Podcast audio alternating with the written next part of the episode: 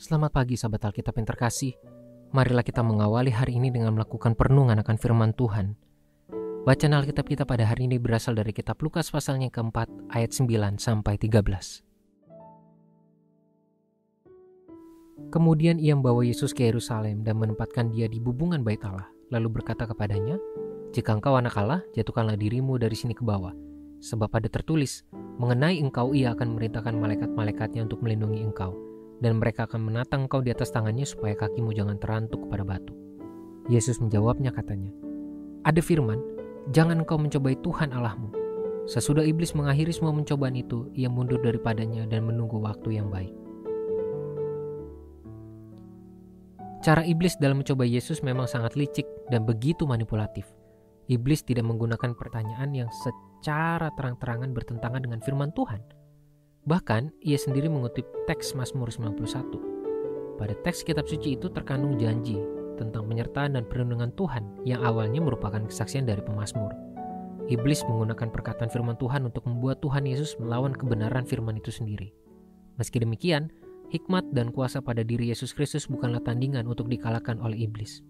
Tuhan Yesus memberikan respon sebagai wujud perlawanan yang begitu kokoh terhadap tindakan manipulasi iblis atas firman Tuhan. Meski terdengar benar, namun cara iblis mengaplikasikan firman Tuhan justru bertentangan dengan esensi utama firman tersebut. Pada situasi inilah Tuhan Yesus menunjukkan hikmat pengertiannya akan firman Tuhan yang memahami dengan benar isi kebenaran yang ada dalam teks firman Tuhan. Strategi pencobaan yang dilakukan oleh iblis ini memanglah cerdik. Di tengah situasi pengembaraan dan lapar haus yang dirasakan oleh Tuhan Yesus pada saat itu, iblis berusaha membuat Yesus menguji kekuatan iman dan janji penyertaan dari Tuhan. Apabila Yesus Kristus tidak memiliki pemahaman yang bertanggung jawab dan hanya memaknai teks firman Tuhan secara egosentris, maka besar kemungkinan ia akan jatuh ke dalam pencobaan tersebut. Namun, kenyataan yang ditampilkan oleh Injil Lukas tidaklah demikian. Sahabat Alkitab, kita perlu waspada dan punya perbekalan iman yang memadai untuk berada di tengah dunia yang penuh lika-liku beserta segala dinamika, gelombang situasi kehidupan yang dapat dijadikan iblis sebagai arena untuk dia menjatuhkan iman umat percaya.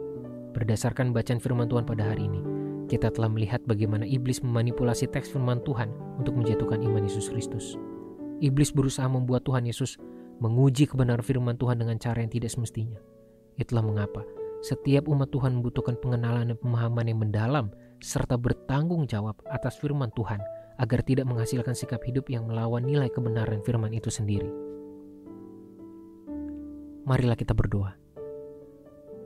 Tuhan tolonglah kami untuk memiliki pengertian dan pemahaman yang benar yang bertanggung jawab atas firman-Mu. Jangan biarkan kami terkecoh dan justru melakukan tindakan yang bertentangan dengan kebenaran firman Tuhan itu sendiri. Tolonglah kami Tuhan, berikanlah kami hikmat dan biarlah kami hanya dibimbing oleh roh kudus. Hanya di dalam nama Tuhan Yesus kami berdoa dan mohon. Amin.